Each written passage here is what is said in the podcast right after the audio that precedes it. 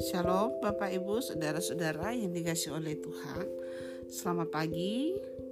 Ya hari ini adalah hari pertama dalam bulan Desember. Selamat memasuki bulan Natal. Selamat mempersiapkan diri untuk merayakan Natal. Dan sekali lagi kita akan mempersiapkan hati untuk masuk dalam renungan firman Tuhan Tetapi sebelumnya mari kita berdoa Bapak terima kasih kami mengucap syukur buat hari ini dan kami akan membuka hati kami untuk mendengarkan firman-Mu. Tuhan berfirmanlah karena kami siap mendengarkan. Dalam nama Yesus kami berdoa dan mengucap syukur. Amin. Ya Bapak Ibu, kita akan meneruskan uh, daftar dari silsilah atau keturunan suku-suku Israel dan di dalam pasal 4 ini judulnya adalah keturunan Yehuda dari cabang lain. Ya, jadi uh, di ayat pertama disebutkan nama-nama anak anak Yehuda ya. Jadi Yehuda ini adalah salah satu dari anak Yakub atau uh, kemudian menjadi cikal bakal dari suku Yehuda dari kedua belas suku yang ada. Nah, uh, saya berpikir bahwa daftar-daftar nama ini adalah nama-nama yang kita tidak kenal dan asing namun di dalam rentetan ini saudara ya dari pasal uh, eh, 4 ayat 1 sampai 23 karena dalam pasal 24 seterusnya itu adalah daftar dari keturunan Simeon uh, nampaknya tidak ada uh, sesuatu yang terlalu menarik yang kita bisa angkat. Tetapi di dalam ayat 9 dan ayat 10 justru muncul sebuah catatan dan catatan ini kemudian uh, menginspirasi penulis lagu dan uh, lagu yang kita sering dengar pada waktu uh, mau menutup ibadah mengenai doa Yabes ya ini didasarkan kepada uh, teks yang kita baca hari ini. Kita akan baca satu Tawarik pasal 4 ayat 9 sampai 10 Yabes lebih dimuliakan daripada saudara-saudaranya Nah, tidak ada catatan apa pun lagi tentang Yabes. Ya, satu-satunya kata Yabes itu muncul di dalam satu Tawarik pasal 2 ayat yang ke-55. Namun Yabes yang ada di situ itu tidak uh, terhubung dalam nama pribadi tetapi nama suku. Bisa saja jadi kalau ini tidak secara kronologis, maka daerah yang disebut Yabes dalam pasal 2 kemungkinan ini adalah keturunan dari Yabes yang ada di dalam pasal 4 ini ya kita tidak tahu. Jadi bisa dikatakan tidak ada catatan ya apa pun yang bisa menolong kita untuk mengetahui siapa itu Yabes. Yang jelas bahwa Yabes adalah orang Yehuda. Nah, di dalam ayat uh, pasal 4 ayat 9 ini dikatakan Yabes lebih dimuliakan daripada saudara-saudaranya. Ya, tidak tahu alasan mengapa, namun nampaknya ada sesuatu yang membedakan Yabes daripada saudara-saudaranya. Nah, tetapi yang menarik Bapak Ibu, di dalam ayat yang sama masih kita diberitahu siapa Yabes sebelum dia mendapatkan glorify atau kemuliaan di dalam ayat yang ke-9a ini. Nama Yabes itu diberi ibunya kepadanya sebab katanya, aku telah melahirkan dia dengan kesakitan. Nampaknya Yabes ini adalah anak yang kurang disukai oleh ibunya. Karena proses melahirkan anak ini terlalu menyakitkan. Begitu menyakitkannya bahkan mungkin taruhannya nyawa sampai ibunya harus memberi nama kepada anak yang ini ya beda dengan saudara-saudaranya untuk mengingatkan bahwa dia dari sekian banyak anak satu-satunya yang membuat dia menderita yang membawa dia kepada kesakitan yang tidak normal ya di dalam uh, melahirkan tidak ada orang yang tidak sakit tetapi proses kelahiran Yabes ini melebihi kesakitan yang rata-rata dialami oleh ibu Yabes ketika melahirkan anak-anaknya yang lain. Tentu tidak menyenangkan kalau kita berasal dalam sebuah keluarga lalu kemudian ibu kita atau bapak kita memberikan kita nama yang tidak baik artinya. Yabes ini artinya uh, kesakitan penderitaan. Bisa bayangkan saudara, saudara diberi atau bapak ibu diberi nama oleh orang tua dengan arti yang tidak baik. Misalnya diberikan sebagai anak yang miskin, anak yang selalu sakit-sakitan, dan sebagainya. Jadi nama itu sebenarnya adalah sebuah doa. Doa atau iman bagaimana anak ini akan jadi. Nah, kalau Yabes artinya penderitaan, imannya bagaimana yang bisa diharapkan dari nama ini? Ya label ini saudara kadang-kadang mematikan orang sebelum orang berjuang. Betapa kita sering melihat ada orang-orang yang tidak bisa membangkitkan potensinya karena sudah diberi label, kamu anak sial, kamu tidak bisa berbuat apa-apa, kamu akan selalu gagal, percuma, dan sebagainya. Dan Yabes adalah salah satu kelompok yang diberi label seperti itu. Namun yang menarik Bapak Ibu bahwa Yabes tidak menerima label itu.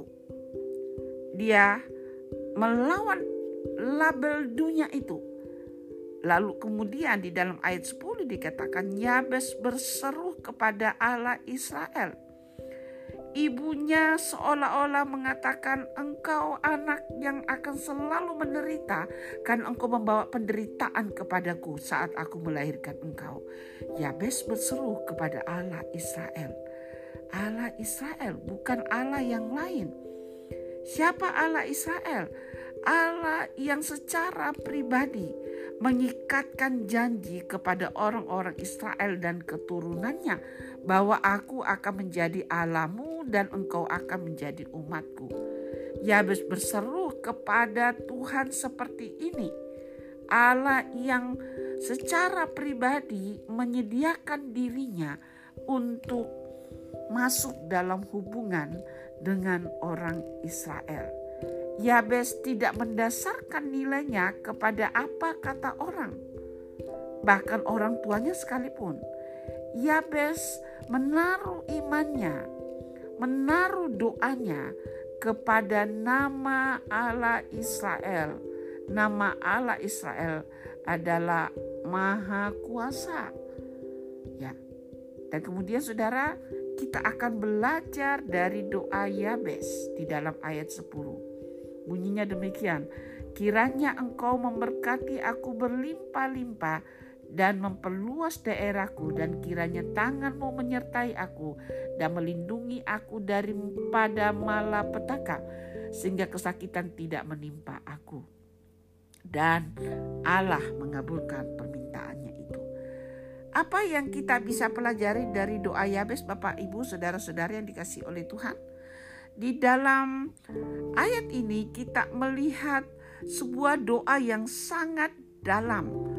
Doa yang didasarkan kepada pengenalan Yabes kepada Allah Israel, Allah pembawa pembebasan kepada bangsanya waktu ada di Mesir dari perbudakan menjadi bangsa yang merdeka dan bahkan Allah yang setia memberikan janjinya memberikan tanah itu kepada orang-orang Israel dan Yabes sekali lagi membuktikan hal itu. Nah, mari kita lihat apa yang terkandung di dalam doa Yabes. Yang pertama, doa Yabes adalah sebuah doa untuk permohonan berkat. Doa Yabes adalah sebuah doa iman. Iman di dalam perjanjian Allah kiranya engkau memberkati aku berlimpah-limpah. Ini adalah doa yang penuh dengan tangisan, bahwa kiranya apa yang dilabelkan dunia kepadaku sebagai orang yang tidak berharga, orang yang tidak akan pernah menikmati berkat atau kebahagiaan, karena aku punya hubungan dengan Engkau Tuhan, Engkau akan membalikan kesakitan itu menjadi berkat. Dan ini diimani bukan sekedar dikatakan. Yabes berseru kepada Tuhan, Saya tidak bisa hidup tanpa Engkau. Saya memerlukan Engkau setiap jam. Saya memerlukan berkat-Mu untuk hidup. Saya tidak bisa hidup tanpa berkat-berkat-Mu. Berkat ini Bapak Ibu bukan sekedar berkat jasmani kekayaan yang bisa dilihat oleh tangan kita. Tetapi kebahagiaan yang dimaksud oleh Yabes ini adalah sebuah kondisi yang melawan apa yang dikondisikan oleh dunia tentang dia. Sebagai orang yang penuh dengan kesakitan, dia menolak itu dan berkata, "Tuhan, berkati aku." Waktu dia memohon ini, dia seolah-olah mengatakan, "Tuhan, selimuti aku, pakaikan aku dengan pakaian yang baru, pakaian kebahagiaan, berkat, dan bukan kutuk, bukan penderitaan, bukan kesakitan." Ini adalah sebuah doa yang luar biasa. Mari, Bapak Ibu, naikkan doa berkat buat keluargamu, naikkan doa berkat buat dirimu sendiri, naikkan doa berkat buat bangsamu Naikkan doa berkat buat gerejamu dan pemimpin-pemimpin rohanimu. Kita melawan atmosfer atau udara yang penuh dengan kutuk, penuh dengan kata-kata yang negatif dan sebagainya. Kita memperkatakan berkat Allah melalui doa kita. Dan doa Yabes adalah doa yang memohonkan kesetiaan. Waktu Yahweh berkata, dan kiranya engkau memperluas daerahku.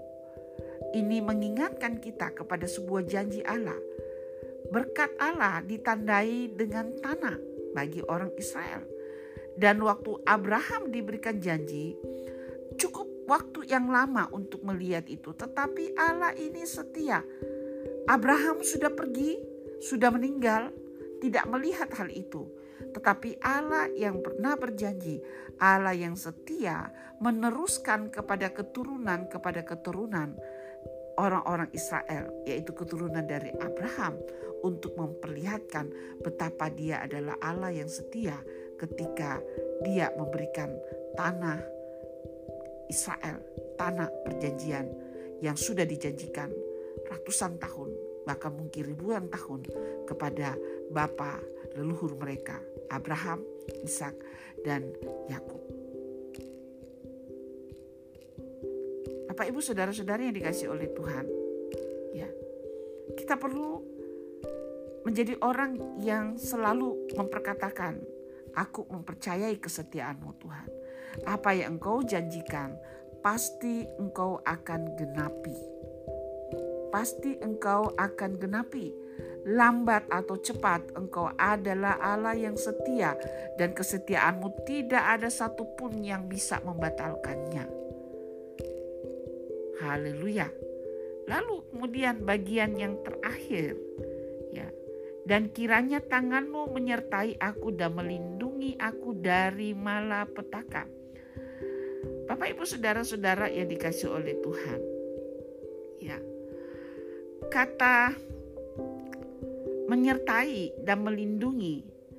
Ini bicara tentang kuasa, ya, dan bicara tentang perlindungan. Tangan Allah berbicara tentang kekuatan kuasanya. Oleh tangannya dia mampu melakukan segala sesuatu. Dan juga tangan bicara tentang perlindungan. Tangan Allah melindungi kita. Di dalam dia kita aman, kita diproteksi, kita dilindungi. Dan Yabes memohon kiranya ya dengan kekuatan kuasamu akan memimpin aku, akan menolong aku, membimbing aku. Ya. Saya ada di dalam lingkungan situasi yang jahat. Nama saya bahkan membawa arti di mana saya tinggal, masyarakat yang penuh dengan penderitaan kesakitan.